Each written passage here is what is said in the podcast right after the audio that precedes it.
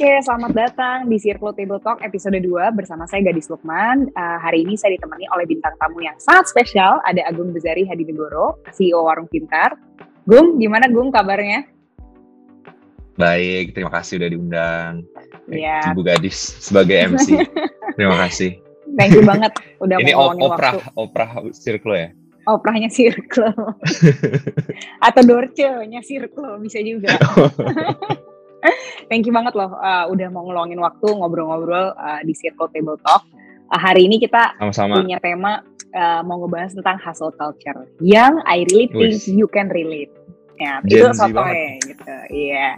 Nah, um, mungkin sedikit ya tentang hustle culture um, supaya kita nyamain frekuensi gitu ya. Um, Hmm. Yang gue maksud di sini adalah um, how we prioritize work above all else. Dan sometimes, you know, we lose uh, ourselves in it gitu. Sometimes kita jadi nggak punya waktu buat diri sendiri. Sometimes kita nggak punya waktu buat keluarga ya, karena emang um, ya kita prioritasin kerjaan. Um, karena banyak hal ada orang yang ngerasa bahwa itu identitasnya, that's how they measure success dan seterusnya for many many reasons. Tapi symptomsnya kayak gitu tuh. Dan kayaknya ini memang makin parah dengan situasi pandemi gitu kan. Because the line between work and life is kind of blurry. Uh, dulu ada commutingnya, sekarang ada commutingnya. Jadi um, I think it's very relevant for us to talk about it today. Nah, the question is, lo ngerasain gak sih? Do you experience this somehow? And boleh ceritain gak sih pengalamannya?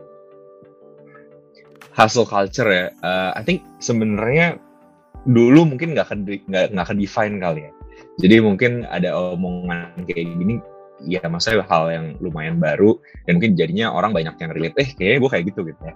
Uh, instead of kayak um, apa kayak gue pengen ngelakuin ini in terms of intentional. Tapi actually sebenarnya lebih banyak orang tuh udah masuk lubangnya dulu. Terus kita baru sadar ya kayak gue tuh kok gue burn out gitu ya? Kenapa ya gitu? Eh, apalagi during pandemi gitu banyak banget yang yang, yang bilang burn out even kayak kalau misalnya kita lihat eh, apa eh, resignation atau turnover rate di di di all all all company gitu ya. Nggak cuman nggak cuman di eh, Indo atau nggak cuman di tech doang itu resignation level tuh tinggi banget gitu kan. Hmm. Eh, na- na- naik lah bukan tinggi banget naik lah gitu dibandingin sebelumnya. Nah ini sebenarnya juga ada hubungannya dengan ya tadi ya hustle culture uh, dan juga mungkin the culture of a company itself gitu kan. Dan sebenarnya ini yang mungkin kita akhirnya mulai punya waktu refleksi ya since um, kita akhir dulu kan soalnya kalau kita ingat di 2020 kita ngerasa kayak yaudah kita WFH dulu deh for now gitu kan. Hmm. Eh, tapi sekarang kita udah ngerasa kayaknya ini untuk 10-20 tahun ke depan kita akan kayak gini gitu. Kita harus hidup dengan virus gitu. Kita harus hidup dengan sedikit social distancing. Kita harus ya kita udah udah normalizing eh, apa yang apa yang tadinya nggak normal gitu. Dan eh, eh, apart that terus abis itu ketemu lah eh oh gue capek banget ya. Padahal gue nggak ke mana-mana gitu. Mhm. oh ternyata karena da- eh, apa eh, eh, yang yang kita ya itu tadi kayak fokus kita kepada karir eh, lines between kerja dan daily life itu blurred gitu karena ya ya mau nggak mau eh, ketika misalnya kita kerjaannya virtual ya jadi lebih transaksional ya Eh, Hmm. akan lebih susah manusia untuk connect secara virtually eh, eh, karena apa ya ada ada ada persona yang dibikin yang berbeda dengan uh, natural persona yang kita tampilkan ketika misalnya kita ketemu langsung gitu. Kalau gue sendiri ngerasain atau enggak, mungkin gue uh, uh, uh, udah ngerasain duluan kali ya uh, di Hmm. early days of my career gitu ya. Uh, uh, tapi gue juga inget gitu soalnya uh, balik lagi sih kayak soal priority gitu. Uh, apa sih priority kita uh, dalam fase kehidupan gitu ya? Uh, mungkin gue bisa relate itu karena ya di fase kehidupan uh, karir gue di awal-awal kayaknya gue emang fokus on karir doang gitu.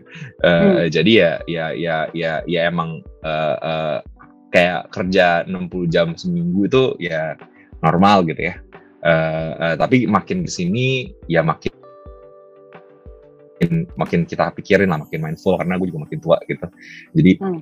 uh, makin makin cari productivity gitu. Tapi uh, uh, menurut gue sih soal hal, hustle culture ini bukan hal yang uh, apa ya, bukan hal yang 100% buruk gitu dan harus dijauhin ya.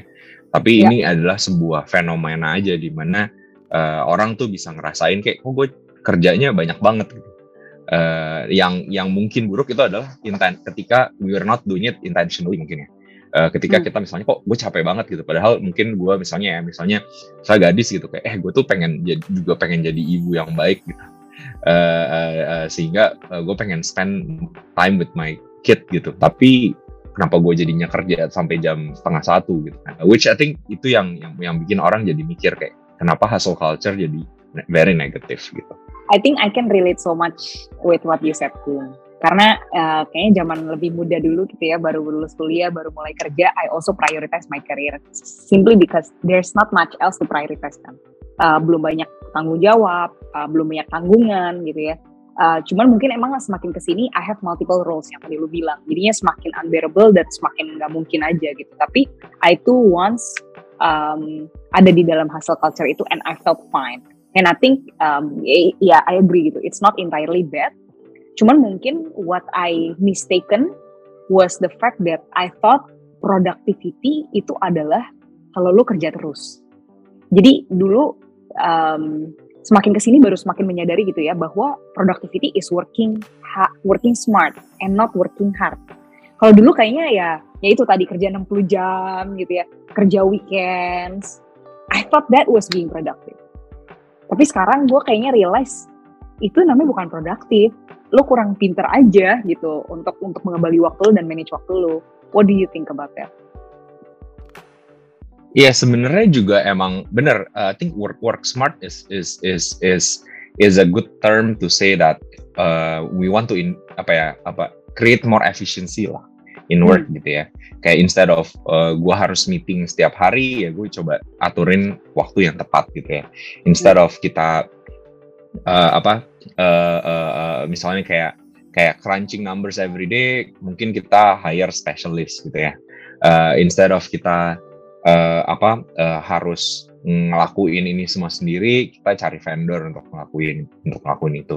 Uh, uh, so, so definitely itu benar gitu. Gue setuju juga dengan kayak mungkin makin ke sini makin try to work smart gitu.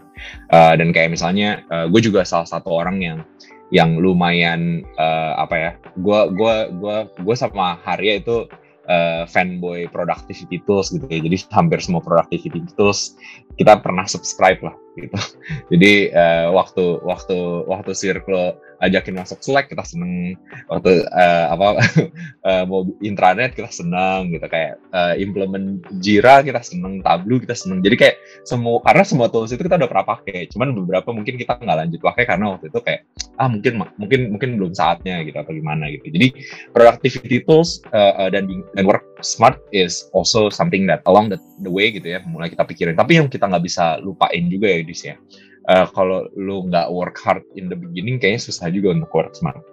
Ya kan? Nggak bisa dari awal udah langsung work smart gitu. Karena harus build the muscle dulu kayaknya ya.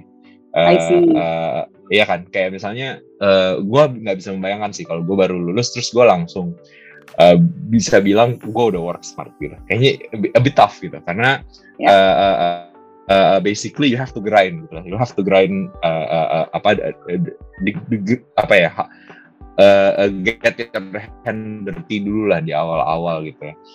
Uh, baru akhirnya kita bisa mikirin kayak work smart gitu. Nah, gue gue inget banget soalnya uh, apa ya? Uh, dan dan work smart itu sebenarnya yang paling penting itu adalah create prioritizations.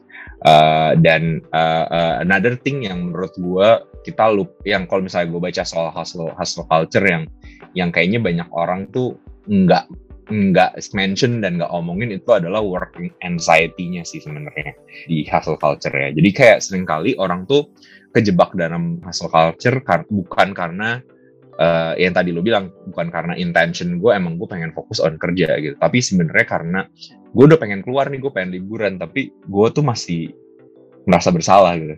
Gue hmm. masih masih dikejar-kejar. Gue masih harus buka email gue nih gitu. Gue ya. masih harus harus harus bales uh, apa uh, Slack gue cepet-cepet gitu.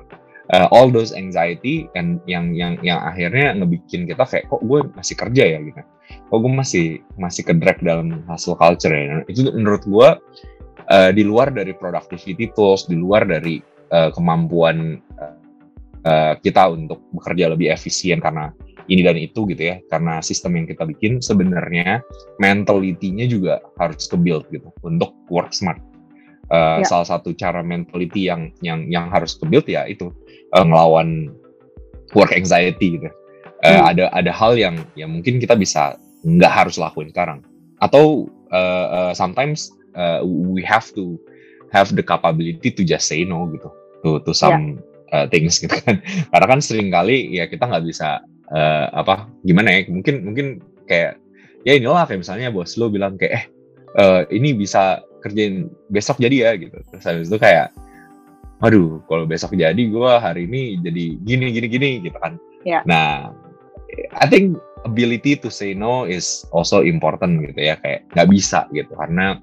uh, uh, uh, kalau gue kebutin sekarang bisa aja jadi. Tapi uh, apakah itu bakal jadi barang yang emang useful dan uh, kepake probably not gitu uh, hmm. all these things I think juga nggak bisa begitu aja di learn dari uh, awal karir sih dis jadi yeah. emang emang emang mungkin di awal yang kita harus mindful juga being uh, ya do all the grinding lah do the hard work dulu along the way we we, we build up uh, productivity lewat tools lewat sistem cara kerja tapi juga through maturity in our mental state waktu bekerja gitu sehingga bisa ngelawan work anxiety uh, how, know how to negotiate with with our peers with our subordinate atau with our superior gitu kan jadi Hmm. Uh, all, all those things mixed together itu equals tadi ya work smart gitu ya. Iya, iya, iya, iya.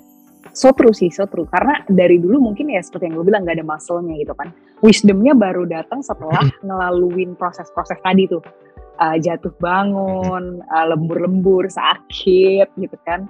Uh, setelah semua itu baru tuh makin lama uh, one thing yang gue juga gue juga ngerasa itu build over time itu adalah kemampuan prioritization tadi kayak zaman dulu kayaknya uh, mesti mikir gitu ya sekarang udah kayak udah otomatis udah tahu nge-sort mana yang masuk box mana dan mana yang akhirnya dikerjain duluan. Itu itu something yang gak langsung datang sih. Jadi di awal-awal emang emang belajar lama banget untuk bisa sampai di titik itu. Jadi uh, setuju banget gitu ya. Um, mungkin di awal-awal buat teman-teman yang ngerasa bahwa uh, apa namanya ngerasa bahwa ini kok begini banget gitu ya ya di awal-awal emang kayak gitu dan I think um, lumayan lumayan linear juga dengan dengan perkembangan manusia lah.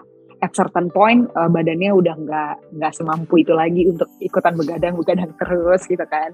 At some point mungkin you you know you you get married uh, build a family dan segala macam sehingga nggak mampu lagi. Jadi um, understanding that and accepting that might be able to help gitu another thing adalah ya itu karena lu udah build muscle-nya, lu udah build wisdom-nya, lu jadi punya kayak ya sekarang jadi lebih gampang untuk work smart gitu kan. Lu bisa punya productivity tools, lu udah bisa apa namanya wiggle your rooms in apa namanya in between your peers, in in between your work. Jadinya berasa lebih lebih lebih baik sih. Oke, okay, thank you so much, Bung, for your time. Really appreciate it. Sama-sama. Uh, really appreciate the insights. Nah, uh, ada banyak banget nih yang tadi kita udah obrolin, tapi kayaknya mendingan kita lanjut ke part 2 ya, biar uh, bisa ngobrol lebih jauh lagi.